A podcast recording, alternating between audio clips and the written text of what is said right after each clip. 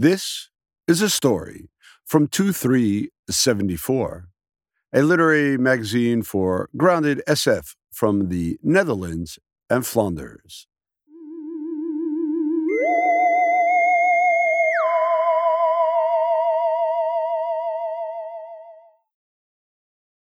Machine, a story by Simona Atangana Bekono, translated by Susanna Heukensfeldt Jansen.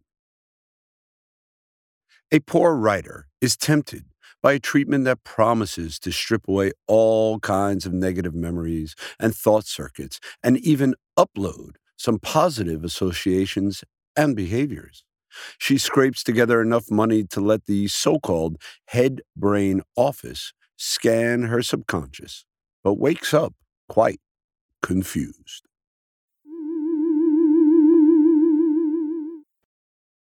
I didn't think it had worked. Although the machine had given me a thorough shake, there's no way it could have been successful. As if the jigsaw puzzle I was made up of had been smashed to pieces and had been put together again with those same pieces. As two nurses came in to dry me off, I tried to catch a glimpse of my reflection. But the moisture of the boiling liquids that had exited the cabin next to me steamed up the two meter tall mirror like a poisonous fog. Pink and acid green vapor prevented me from seeing my own reflection. Would it show in my face whether I had changed? Memories raced like clouds along the summit of my consciousness. I tried to get a grip of an odd one, but seemed to be reaching into thin air. Not able to focus, too disoriented to get a grip on my own thoughts. I tried to call to mind what the patient information leaflet had said.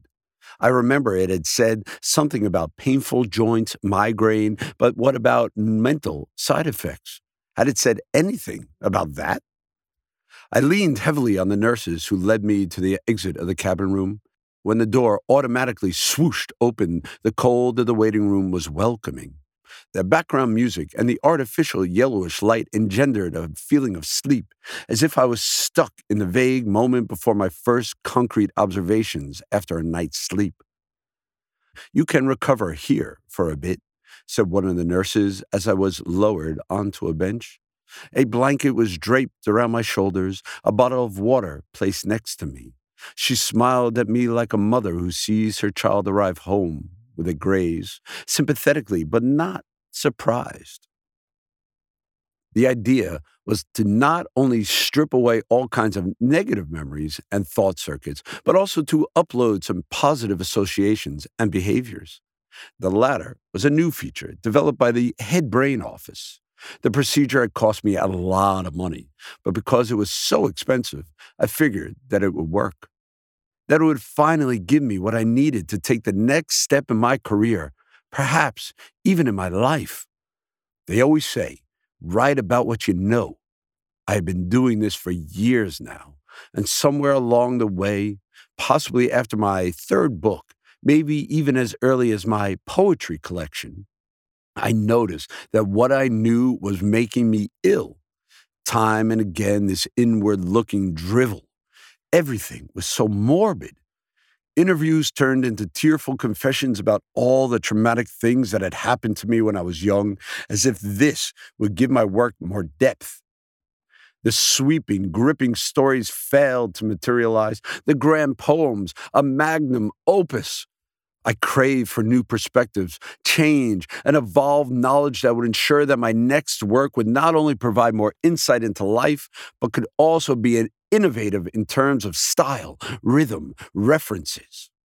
I've been fantasizing about this during the head brain office assessments so badly that I already visualized the new word combination and meters of my poems to be printed on paper in striking, fascinating ways, chanted by choirs or bombastic soundscapes projected in the metro, reworked into paintings. They just weren't there yet. This would help, I decided. It had to. What they do at the head brain office is very simple. You are supposed to wear a device that looks like a small headset for a month during the night. As you sleep, your subconscious is scanned.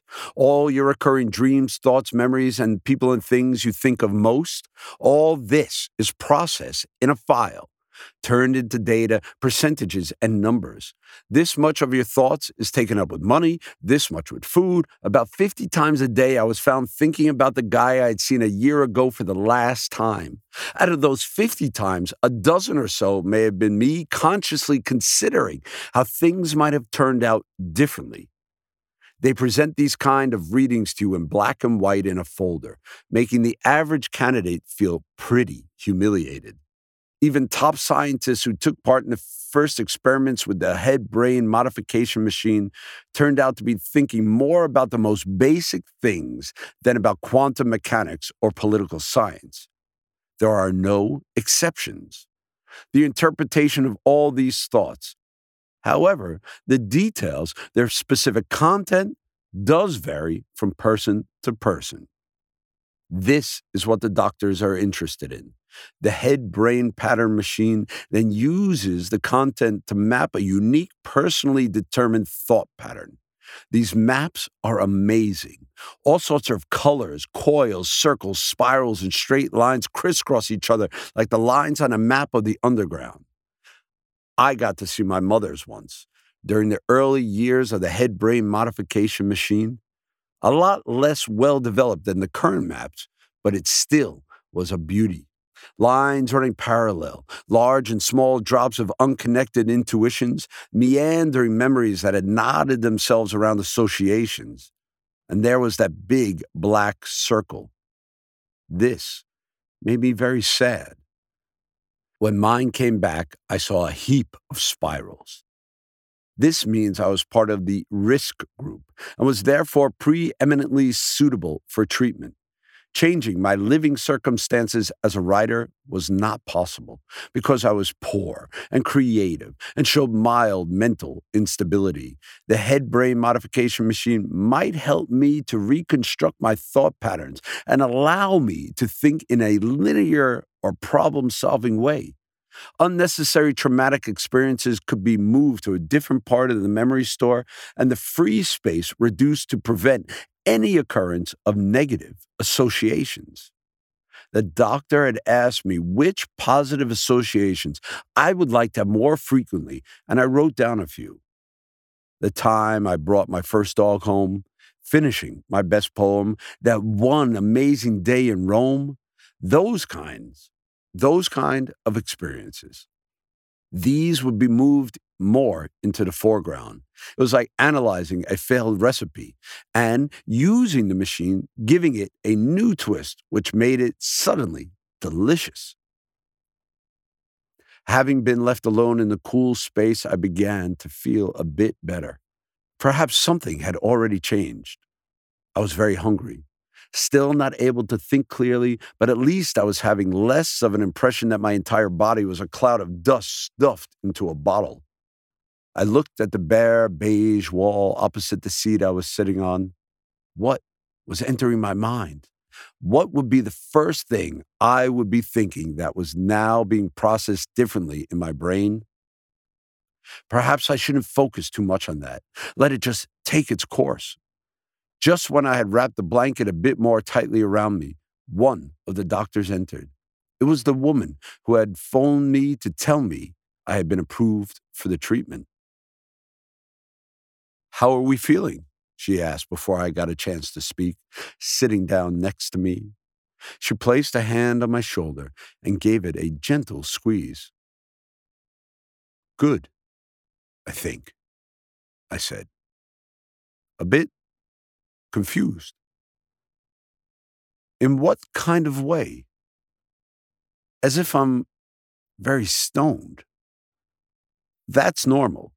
You will feel like this for a few more days, but that's part of these treatments. When your brain is calmed down again and you get used to its new state, the rediscovery of your thought process can start a whole new you. I looked up briefly, and she gave me an encouraging smile. This way, it sounded rather celebratory, like those shows in the past in which they gave people makeovers. I nodded at her to signal I had understood. we advise you to eat healthy for the first five to seven days. Lots of vegetables, fruit, fish rather than meat, and preferably organic, fresh rather than supermarket. Drink plenty of water, avoid overstimulation with coffee or psychedelic drugs, and under no circumstance drink any alcohol. She handed me a folder with the necessary information. And then? As a doctor, I would advise you to live like this all the time. But I want to be realistic. You can go back to your old habits, she said, smiling broadly.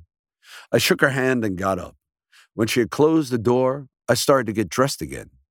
Putting on my old clothes felt almost like a defilement of the new me. I had to buy some new things on the way home.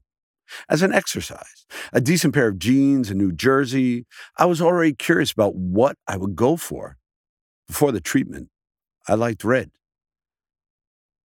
I walked back the way I'd come through the narrow corridor, past all kinds of closed doors, the reception lobby, where the receptionist, with her head brain office hat, was scrawling through a head diary, her silver coated fingertips stroking the smooth surface of the floating screen. There was an intimate quality to how assistants, business types, receptionists, and other people managing head diaries played with those sparkling nails on screens, as if they were touching the keys of an old fashioned piano without actually playing it. I said goodbye to her and stopped in the hall to catch my breath. It was not until the door of the main entrance slid open that I noticed how hard it was raining. It pelted down mercilessly on the pavement and on the glass roof of the metro tube. I turned up the collar of my coat and breathed in the smell of rain, my first fresh sensation of a new life, the smell of looming thunder.